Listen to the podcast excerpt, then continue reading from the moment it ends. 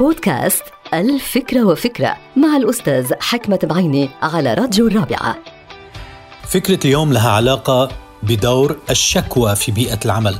تعرفوا أنه هناك عدد كبير من الموظفين وأيضا المدراء اللي بيتقدموا بشكاوي حول قضايا في بيئة العمل. منها إلى علاقة بالراتب ومنها إلى علاقة بالترقية ومنها إلى علاقة بسوء الإدارة والفساد أيضا. فهل الشكوى دور إيجابي أو سلبي في الشركات والمؤسسات؟ إذا كانت سلبية بتكون فعلا لها دور سلبي لأنه لا أساس لها من الصحة. وإذا كانت مبنية على الإيجابية بيكون لها دور إيجابي لأنه بتعزز من القيادي ودور القيادي بتفتح ملفات كانت مغلقة وأيضا بتعطي ثقة للموظف أنه هو قادر أن يتقدم بشكوى معينة من دون أي retaliation شو يعني retaliation؟